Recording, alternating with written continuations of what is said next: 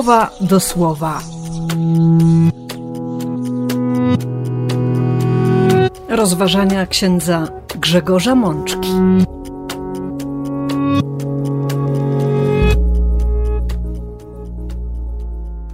Czwarta niedziela okresu zwykłego, rok B.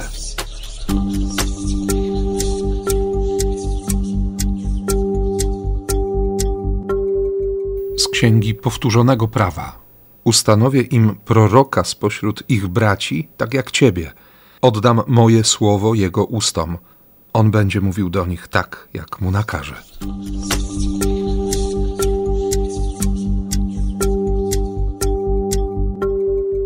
Z Psalmu 95.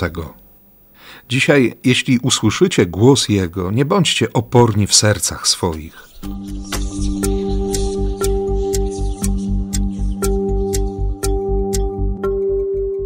Pierwszego listu do Koryntian. Chciałbym, byście żyli bez trosk.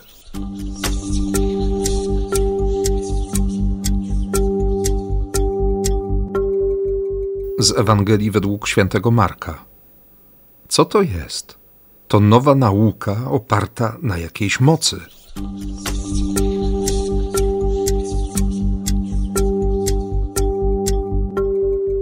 Siostry i bracia, po, po ubiegłej niedzieli, niedzieli Słowa Bożego, myślę, że w wielu z nas Bóg obudził pragnienie słuchania Słowa, usłyszenia i zrozumienia, wejścia jeszcze bardziej w głąb tej Bożej mowy, Bożej woli, którą odczytujemy w Biblii. Jednocześnie mobilizacją był również ten tydzień modlitwy o jedność chrześcijan. Wołaliśmy wspólnie o to, by odkrywać, odkrywać łaskę, odkrywać siebie nawzajem jako dzieci Boga, dzieci jednego Boga, jako siostry i braci, którzy przyjęli chrzest w imię Trójcy Świętej. Tym bardziej więc chcemy dziś razem usłyszeć wszystko, co mówi do nas Pan. Każde słowo, a jest ich sporo w dzisiejszej liturgii. Rozpoczynamy osiemnastym rozdziałem Księgi Powtórzonego Prawa, ostatniej księgi Tory, wersetami, w których Bóg zapowiada ustanowienie proroka podobnego do Mojżesza. Wiemy, że gdy, gdy Mojżesz odejdzie, w jego miejsce wkroczy Jozue, Jezus. Ażby się chciało powiedzieć, może trochę na wyrost, albo nieco rozszerzając perspektywę, kiedy prawo nadane przez Mojżesza straci swoją władzę, swoją moc, Bóg pośle swojego syna, po to, by nadał nowe prawo, by odkrył w sercach to prawo miłości, by złożył jedną ofiarę za zbawienie świata. I nas wszystkich zobowiązał do tego, byśmy czynili miłość tak, jak On kocha.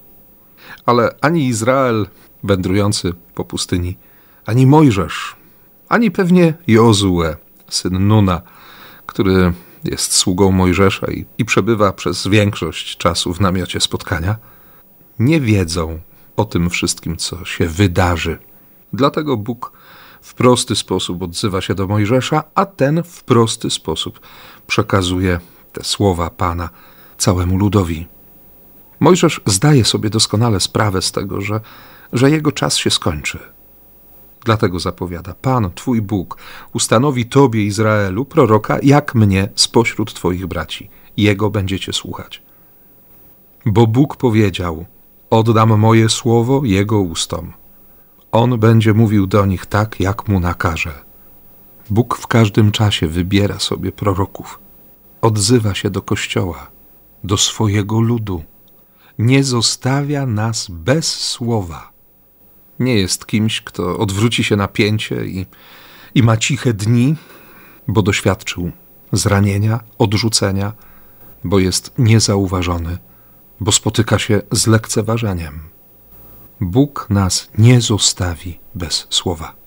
Dlatego warto dziś pozwolić, by, by słowa Psalmu 95 weszły bardzo głęboko w nasze serca i nasze umysły. To wołanie, by chwalić Pana, by wykrzykiwać z weselem ku chwale Boga naszego wybawcy, by śpiewać ochoczo, by złożyć pokłon, by paść na twarz, by się nawet, według tłumaczenia z Septuaginty, wypłakać przed Panem, bo to On jest naszym Bogiem. I wreszcie, i wreszcie dociera do naszych uszu: Dzisiaj, jeśli usłyszycie głos Jego, nie bądźcie oporni w sercach swoich.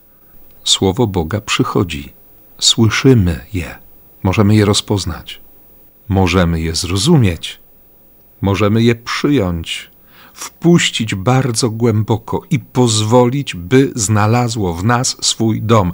Słowo chce w nas rozbić swój namiot. Ono chce być dla nas życiodajne. Jego pragnieniem jest, by się w nas, dzięki Słowu, objawiło życie. Nie bądźcie oporni w sercach swoich. Nie stawiać oporu wobec Boga.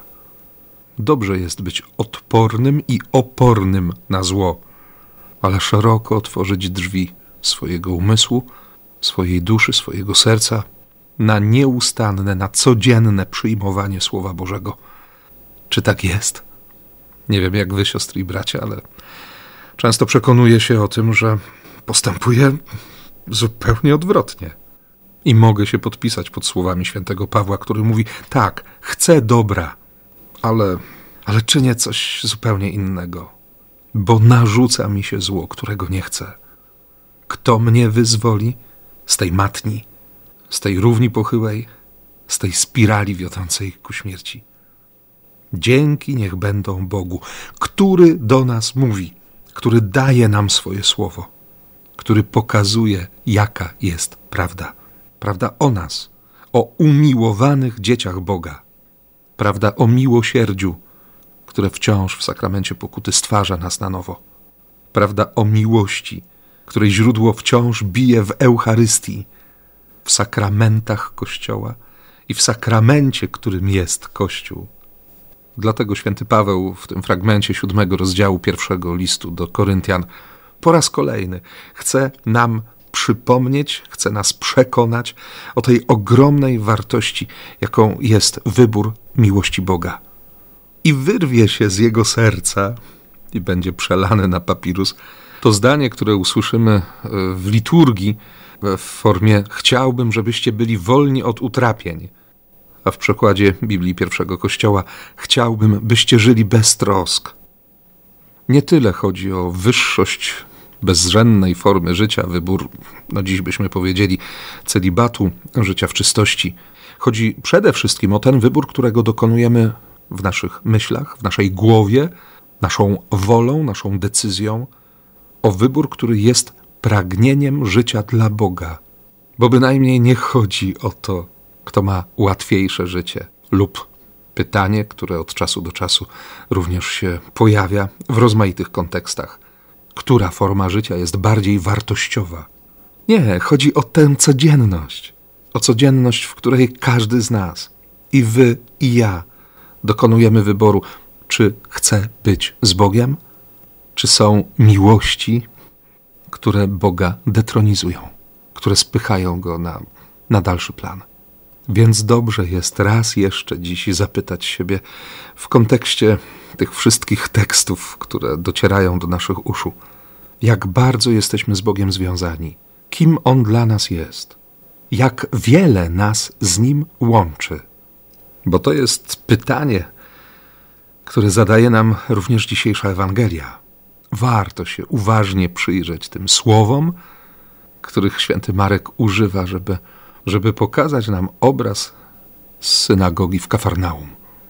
Słyszeliśmy przed tygodniem, że, że dopiero co Szymon, Andrzej, Jakub i Jan zostali wezwani, by, by zostawić wszystko i iść za Jezusem. I faktycznie natychmiast zostawili sieci. Poszli za nim. I chyba nie chodziło o motywację sprowokowaną dotychczasowymi niepowodzeniami życiowymi. Jezus ma w sobie autorytet, który, który jest wyczuwalny. Ludzie zgromadzeni w synagodze od razu są zdziwieni, reagują na to, co mówi Jezus, bo, bo mówi inaczej niż wszyscy. Do tej pory rabini, uczeni powoływali się na prestiż pisma, na szacunek wobec tradycji, a Chrystus zdaje się pomijać zupełnie te kwestie w swoim nauczaniu. Zresztą ciekawe jest, że święty Marek w bardzo krótkich i konkretnych słowach, jak na Marka przystało, pokazuje nam, że Jezus po wejściu do synagogi zaczyna nauczać. Kto jak kto, ale on na pewno ma, ma sporo do powiedzenia. W kolejnych tygodniach, miesiącach, latach swojej działalności właśnie na nauczanie będzie zwracał największą uwagę. Owszem, będą się pojawiać spektakularne wydarzenia, będą cuda, ale dla Jezusa najważniejsze będzie opowiedzieć o miłości Boga i ostatecznie ją pokazać. Wiemy też dobrze, że kiedy Jezus będzie tłumaczył Torę, proroków czy pisma, to przede wszystkim po to, by odnaleźć w nich siebie samego, wytłumaczyć siebie, to znaczy pokazać obecność Boga, przypomnieć, że pismo, że słowo jest żywe, jest życiem, jest osobą. Dlatego reakcją słuchaczy jest zdziwienie. Pojawia się podziw, a jednocześnie niezrozumienie, bo, bo skąd u niego taki sposób komentowania słowa? Zachowuje się, jakby miał władzę niekwestionowaną, niezaprzeczalną, realną władzę. I przychodzi moment udowodnienia tej władzy. W synagodze jest pewien człowiek opętany. Jeszcze mocniej przetłumaczy to Biblia pierwszego kościoła. Nagle w tej ich synagodze pewien człowiek dostał się pod wpływ nieczystego ducha. W czasie nabożeństwa? We wspólnocie wierzących? Ktoś dostał się pod wpływ ducha nieczystego? Ktoś został opętany? Czy można w kościele doświadczyć zła?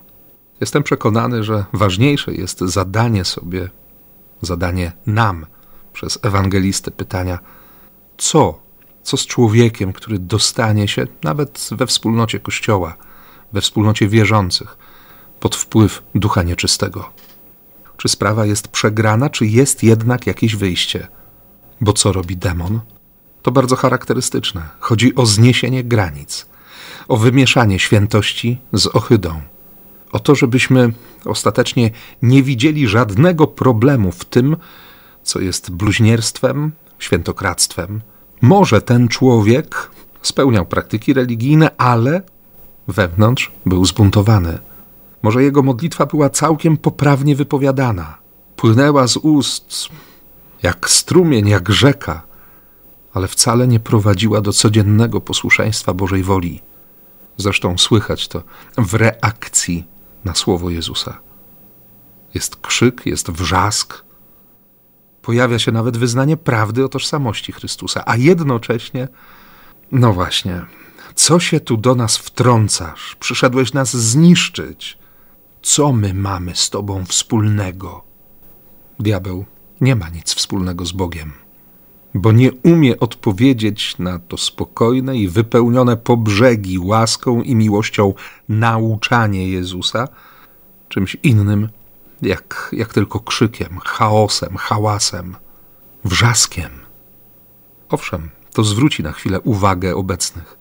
Doskonale wiemy, jak, jak bardzo chwytliwe są tematy opętań, egzorcyzmów. Czasami wywołują strach, niekiedy budzą ciekawość. Ale na pewno ta obecność demona, jego krzyk, nie zatrzyma nikogo na dłużej, bo, bo diabeł nie ma do przekazania żadnej wartościowej treści. Jezus reaguje konkretnie: milcz, wyjdź z niego. Na pewno pamiętacie, siostry i bracia, że tam pojawia się rozkaz, który można by przetłumaczyć obrazowo: nałóż sobie kaganiec.